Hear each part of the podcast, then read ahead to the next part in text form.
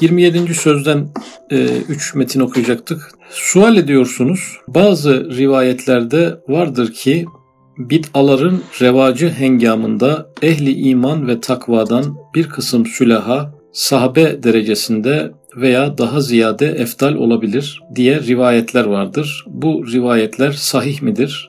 Sahih ise hakikatleri nedir? Demek ki bir kısım rivayetler varmış. O rivayetlerde sahabenin geçilebileceği ile alakalı rivayetler varmış. E, bir dönem çerçevesi çiziliyor. Bid'aların revacı hengamında. Yani dinin bozulduğu, artık dinin tanınamaz hale geldiği dönemlerde dini orijinal bir şekilde yaşayan insanlara iltifat eden bir takım hadis-i şerifler var. Bunlar arasında bazıları e, öyle dönemlerde dinini koruyabilen insanlar açısından sahabeyi bile geçebilecek e, bir seviyeye de sevap kazanabileceklerine dair rivayetler olduğu anlaşılıyor. Bu aslında 11. lema Sünnet-i Seniye Risalesi'nde hususen bid'aların revacı hengamında fesadı ümmetim zamanında kim sünnetime temessük ederse 100 şehit sevabı kazanır e, diye bir hadis-i şerif vardı. Bu fesadı ümmetim zamanında bid'aların revacı hengamında kelimesiyle buradaki bid'aların revacı hengamındaki o üç kelime aynı olduğu için o tür hadisler varmış. Orada bir tanesini öğrenmiş olduk. 100 şehit sevabı kazanır e, vardı. Fakat burada onu da geçen bir rivayetler var demek ki. Sahabeden daha üstün seviyeye gelinir anlamına gelen rivayetler varmış. Burada sülaha dedi salihler, salih insanlar sahabeyi böyle geçebilirler mi? Bu rivayetler sahih midir? Sahih ise hakikatleri nedir? Hadis e, metodolojisi bakımından sahih mi değil mi? Önce ona bakmak gerekiyor. Sonra da madem sahih e, bizim anlamadığımız bir şey var. Sahabe nasıl geçiliyor? O zaman onun izahını istiyorlar. El cevap Enbiya'dan sonra, peygamberlerden sonra nev-i beşerin en eftali sahabe olduğu ehli sünnet ve cemaatin icmaı bir hücceti kat'adır ki o rivayetlerin sahih kısmı fazileti cüz'iye hakkındadır. O rivayetlerin sahih kısmı dediğine göre bu rivayetlerin bir kısmı sahih değildir demiş de oldu yani. Bu tür rivayetlerin bir kısmı sahih değil ama sahih olanları var demiş oldu. E, fazileti cüz'iye diye bir kelime geldi. Yani bir özel bir e, spesifik bir kategoride, özel bir konuda sahabenin geçilebileceğiyle alakalı rivayetler olduğunu e, ifade etmiş oldu. Dayandırdığı hakikat de ehli sünnet vel cemaatin icmaı yani e, icma dediğimiz şey burada bütün alimlerin ittifak etmesi icmada cem kelimesi yani İslam alimlerinin tamamının ittifak etmesi söz konusu olduğu için bu artık biraz kurumsallaşmış bir bakış. Yani e, bütün ayetler değerlendirilmiş, bütün hadisler değerlendirilmiş, hepsi masaya yatırılmış.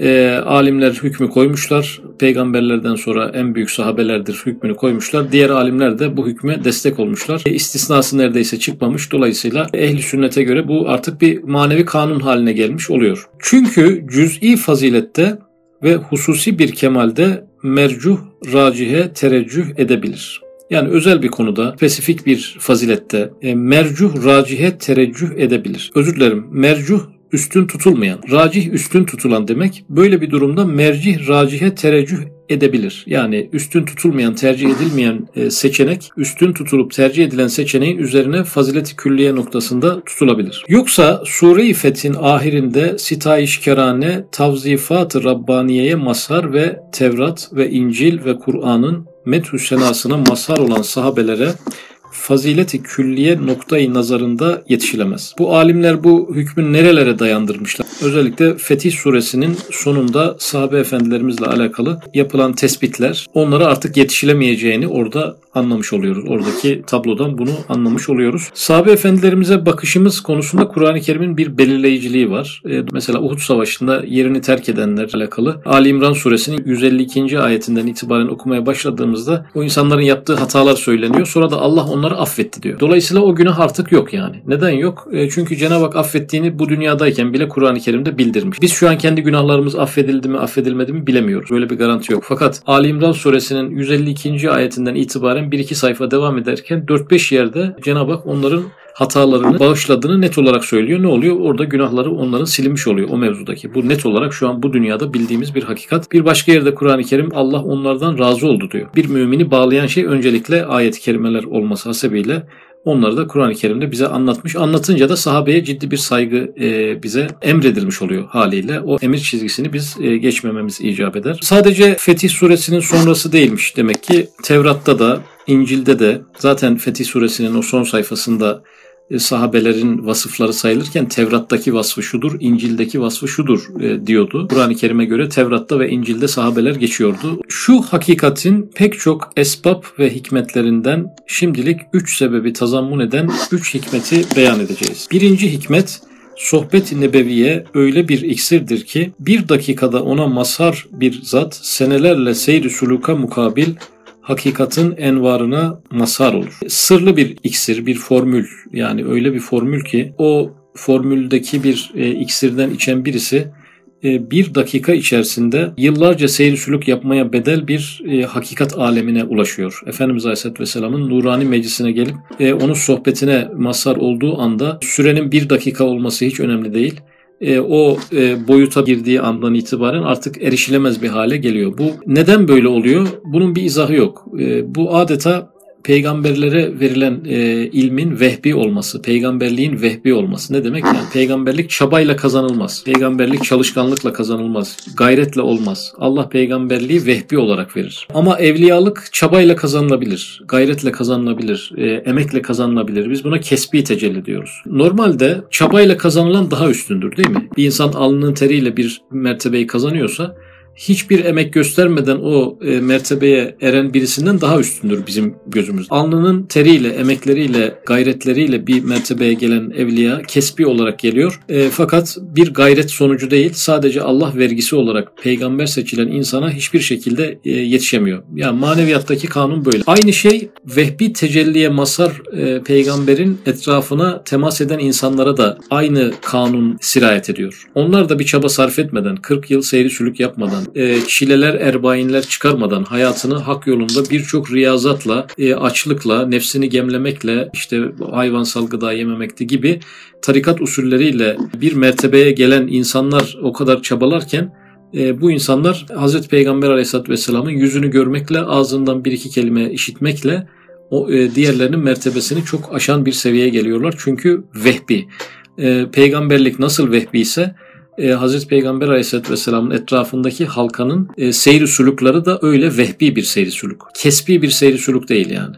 O yüzden de kesbi hiçbir seyri suluk o noktaya e, ulaşamıyor, varamıyor. Cenab-ı Hakk'ın e, özel bir ikramı olduğundan dolayı. Sohbet-i Nebeviye öyle bir iksirdir ki bir dakikada ona mazhar bir zat senelerle seyri suluka mukabil hakikatin envarına mazhar olur. Hakikat ışıklarına ulaşır. Çünkü sohbette insibah ve inikas vardır. Burada peygamber sohbetinde insibah ve inikas vardır demiyor. Her sohbette bir inikas ve insibah vardır. Yani insibah ne demek? Bir boya. Sohbeti yapan kişi veya sohbete katılan kişiler diyelim o halkadaki e, diğerlerine kendi boyasından, kendi ruhunun e, boyasından vurmuş olurlar. O boyayla insanlar boyanmış olurlar. Oradaki insanın takvasının boyasıyla boyanmış olurlar. Salihliğinin, ihlasının boyasıyla boyanmış olurlar. Aynı zamanda bir inikas. Güneş eğer ayna üzerinden evin içerisine giriyorsa hiçbir özelliğini kaybetmiyor. Güneşteki yedi renk, vitaminler, e, ışık, ısı aynayla gelmesine rağmen hepsi aynen gelir. Aynı şekilde Efendimiz Aleyhisselatü Vesselam'a inen manaların hepsi sahabe efendilerimize yansıdığı zaman aynı ile yansıyor. Yani adeta hakikatin bizzat kendine muhatapmışlar gibi e, bir aynaya muhatap olmalarına rağmen hakikatten bizzat o ışıkları tamamen alıyorlar. E, normal bir sohbette de bu vardır. Yani seviyesine göre, insanların katıldığı sohbetlerin seviyesine göre elektronik ortamda bu olur mu olmaz mı bilemiyorum. Ama e, bakışlarda, kulaklardan giren seste bir ameliyat cerrahiye var kelimelerin anlamının bir önemi yok burada. Yani sohbet çok kapsamlı bir sohbet de olabilir, e, çok basit bir sohbet de olabilir. Ama oradaki sohbeti yapan kişi veya katılanlardan birinin manevi havası yüksekse o insanlara sirayet eder. Onların kalp ve ruhlarına yansır. O sohbetten ayrıldıktan sonra değişerek ve dönüşerek e, o sohbetten ayrılırlar. İşin aslı bunlar değil. İşin aslı oradaki e, kişinin inikas ve insibağı, o çaldığı boya acaba nedir? E, yansıttığı ışıklar acaba nereden geliyor? Hangi kıvamdan geliyor? Bir kişinin bir kelimesi bile yeter böyle sohbetlerde. Hak dostu diye düşündüğümüz insanların meclislerine gittiğimizde çok özel bir şey öğrenmeden çıkıyoruz genel olarak yani. Bildiğimiz şeyleri e, duyuyoruz. Ama nedense üzerimizde bir hal oluyor. Yani başka bir hal oluyor. Kıldığımız namazların kalitesi niteliği değişiyor. Günahtan kaçma enerjisinde bir yükseliş hissediyoruz. İbadetleri e, sevme noktasında kalbimizde bir yumuşama hissediyoruz E bunlar niye oluyor? Hakikat var ki insandan insana yansıyor. Tabi bu yansıtan kişi bir peygamberse, hakikate en zirve noktada muhatapsa, Cenab-ı Hakk'ın esmalarına da azam mertebede muhatap olduğundan dolayı oraya inen hakikat nurları hepsi tam ve eksiksiz olarak iniyor. Sahabe efendilerimiz de e, bu nur sebebiyle yıllarca seyir yapmaya bedel bir terakkiye o anda bir dakikada ulaşıyorlar. E, acaba maneviyatı çok kötü, iç dünyası bozulmuş, kararmış ruhların yanında oturduğumuzda da bu boya ve bu yansıma oluyor mu? Bu da önemli bir faktör. Yani dinlediğimiz kişi sadece dünyevileşmiş, enaniyetli karakter olduğunda ondan bir hikaye dinlediğimizde acaba bizim ruhumuzda bir takım felçlere sebebiyet veriyor mu? Eğer bu hakikatin tersi de doğruysa böyle bir e, olumsuz tarafı da var. Aksi takdirde bazı insanlardan ayrıldığımızda da ibadetlere karşı bir yorgunluk, günahlara direnme noktasında bir zayıflık, e, manevi hakikatlere karşı bir isteksizlik başlayabilir. Onların ikliminin bize sardırdığı, boyadan yansıttığı olumsuz ışıklardan dolayı. Malumdur ki inikas ve tebaiyetle o nuru azamı nübüvvetle beraber en azim bir mertebeye çıkabilir. Burada insiba kelimesi gitti, inikas kaldı fakat artı bir kelime tebaiyet Demek ki Efendimiz Aleyhisselatü Vesselam'ı dinleyen birçok insan vardı. Sohbetine de katılıyorlardı. Ama tebaiyet dediğimiz şey olmuyor. Hazreti Ebu Bekir Efendimiz Aleyhisselatü Vesselam'ın dinleyişiyle Ebu Leheb'in, Ebu Cehil'in dinleyişi arasında bir fark var. Hazreti Ebu Bekir Efendimiz tabi olarak dinliyor. Ne gelirse ona itaat edecek şekilde dinliyor. Sadakatle dinliyor. insaf ve vicdanla dinliyor. O oradan alacağı şeyleri alıyor. Öbürü tenkit niyetiyle, eleştirmek niyetiyle, bir hatasını bulmak niyetiyle o sohbeti dinlediğinden dolayı onlar da bu maneviyattan nasip alamıyorlar. Hazreti Peygamber Aleyhisselatü Vesselam'ın makamını Cenab-ı Hak'tan vahiy aldığını kabul ederek onun bizim rehberimiz ve mürşidimiz olduğunu bilerek onu dinleyince tebayet olmuş oluyor. Orada bu insiba ve inikas oluşuyor. Nasıl ki bir sultanın hizmetkarı ve onun tebaiyetiyle öyle bir mevkiye çıkar ki bir şah çıkamaz. Padişahın oda hizmetçisini düşünelim. Yani odadaki eşyaları düzenleyecek, tertipleyecek. O odaya kadar o çıkabilir. Ama şah çıkamaz, paşa çıkamaz. Statü olarak paşadan çok daha aşağı. O odada ne işi var? Ama burada Üstad Hazretleri konuyu zihne yaklaştırmak için çok güzel bir örnek verdi.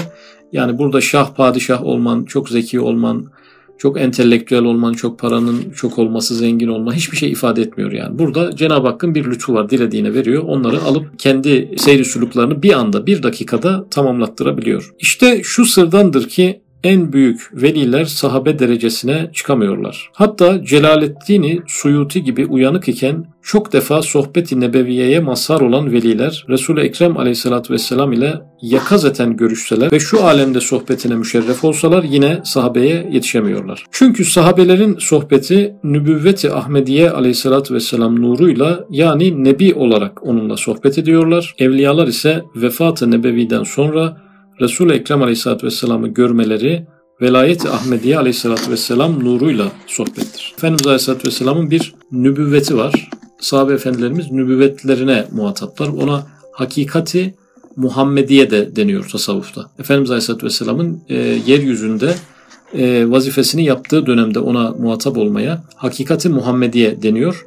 Vefatından sonraki hakikatine hakikati Ahmediye deniliyor. Hakikati Ahmediye üzerinden biz şu anda muhatabız halen. Fakat hakikati Muhammediye nübüvvetiyle ilgili bir kavram, hakikati Ahmediye velayetiyle ilgili bir kavram. Efendimiz Aleyhisselatü Vesselam bir velayet boyutu var. O az önce iltifat etmediğimiz kesp meselesi, çaba, gayret. Efendimiz Aleyhisselatü Vesselam da bunlar da zirve. Fakat bunlarla kazandığı şey nübüvvet olmamış. Velayet olmuş. Velayeti Ahmediye olmuş. Demek Resul-i Ekrem Aleyhisselatü Vesselam'ın onların nazarlarına temessül ve tezahür etmesi velayeti Ahmediye cihetindedir. Onların dediği Celaleddin Suyuti Hazretleri gibi evliyaların e, dünyasına temessül ve tezahür. Aslında inikas kelimesi gitti yerine temessül geldi. İnsiba kelimesi gitti yerine tezahür geldi. Yani dolayısıyla Efendimiz Aleyhisselatü Vesselam'ın inikas ve insiba imkanını biz kaybettik yani. O ortamın boyasıyla boyanmak. İki imkan var elimizde. Temessül ve tezahür. Yani bu da e, bir seviye yükseltiyor insanı. Efendimiz Aleyhisselatü Vesselam'ı yakazeten gören insanlar da e, diğer insanlara nazaran bir yükseliş içerisindeler. Ama nereye kadar? Elbette yine sahabe e, olamayacak kadar bir yükseliş içerisine geçmiş oluyorlar. Velayeti Ahmediye aleyhissalatü vesselam cihetindedir. Nübüvvet itibarıyla değil. Madem öyledir, nübüvvet derecesi velayet derecesinden ne kadar yüksek ise o iki sohbette o derece tefavüt etmek lazımdır. Peygamberlik evliyalıktan ne kadar üstünse sahabenin e, çıktığı mertebelerde bir velinin Hazreti Peygamber Aleyhisselatü Vesselam'ı yakazeten görerek e, çıktığı mertebeden bir o kadar e, yüksektir. Sohbeti Nebeviye ne derece bir iksiri nurani olduğu bununla anlaşılır ki iksiri nurani içecek bir iksir gibi düşündüm ama yani ışıktan bir içecek. Bizim içecekler hep sıvı yani. Burada nurlu aydınlık bir içecek. İnsanlar yudumluyor ama sıvı olarak değil. Bununla anlaşılır ki bir bedevi adam kızını sağ olarak defnedecek derecede bir kasaveti vahşiyanede bulunduğu halde gelip bir saat sohbeti nebeviyeye müşerref olur, daha karıncaya ayağını basamaz derecede bir şefkati rahimaneyi kesbederdi. Bu kişi nereden geliyor? Kızını sağ diri olarak gömerken geliyor yani. Oradan geliyor, öyle bir işten geliyor.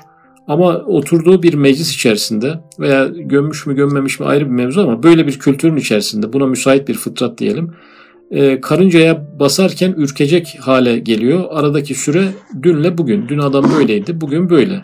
Bir saat önce duyguları buydu, bir saat sonra bu oldu. E, bu nasıl bir iksirdir ki insanları bu kadar dönüştürüyor? Buradan biz aslında e, muhatap olduğumuz hakikatlerin bir ölçü birimini de almış oluyoruz. Yani biz muhatap olduğumuz eserler bizde ne kadar değişikliğe sebebiyet veriyor? Ya ben şu kadar e, bozulmuş taraflarım vardı. Bu eserlerden sonra şu hale geldim. Şöyle kötü alışkanlıklarım vardı. Kurtulamıyordum. E, bu tür bir manaya muhatap olduktan sonra çok kolay kurtulabildim.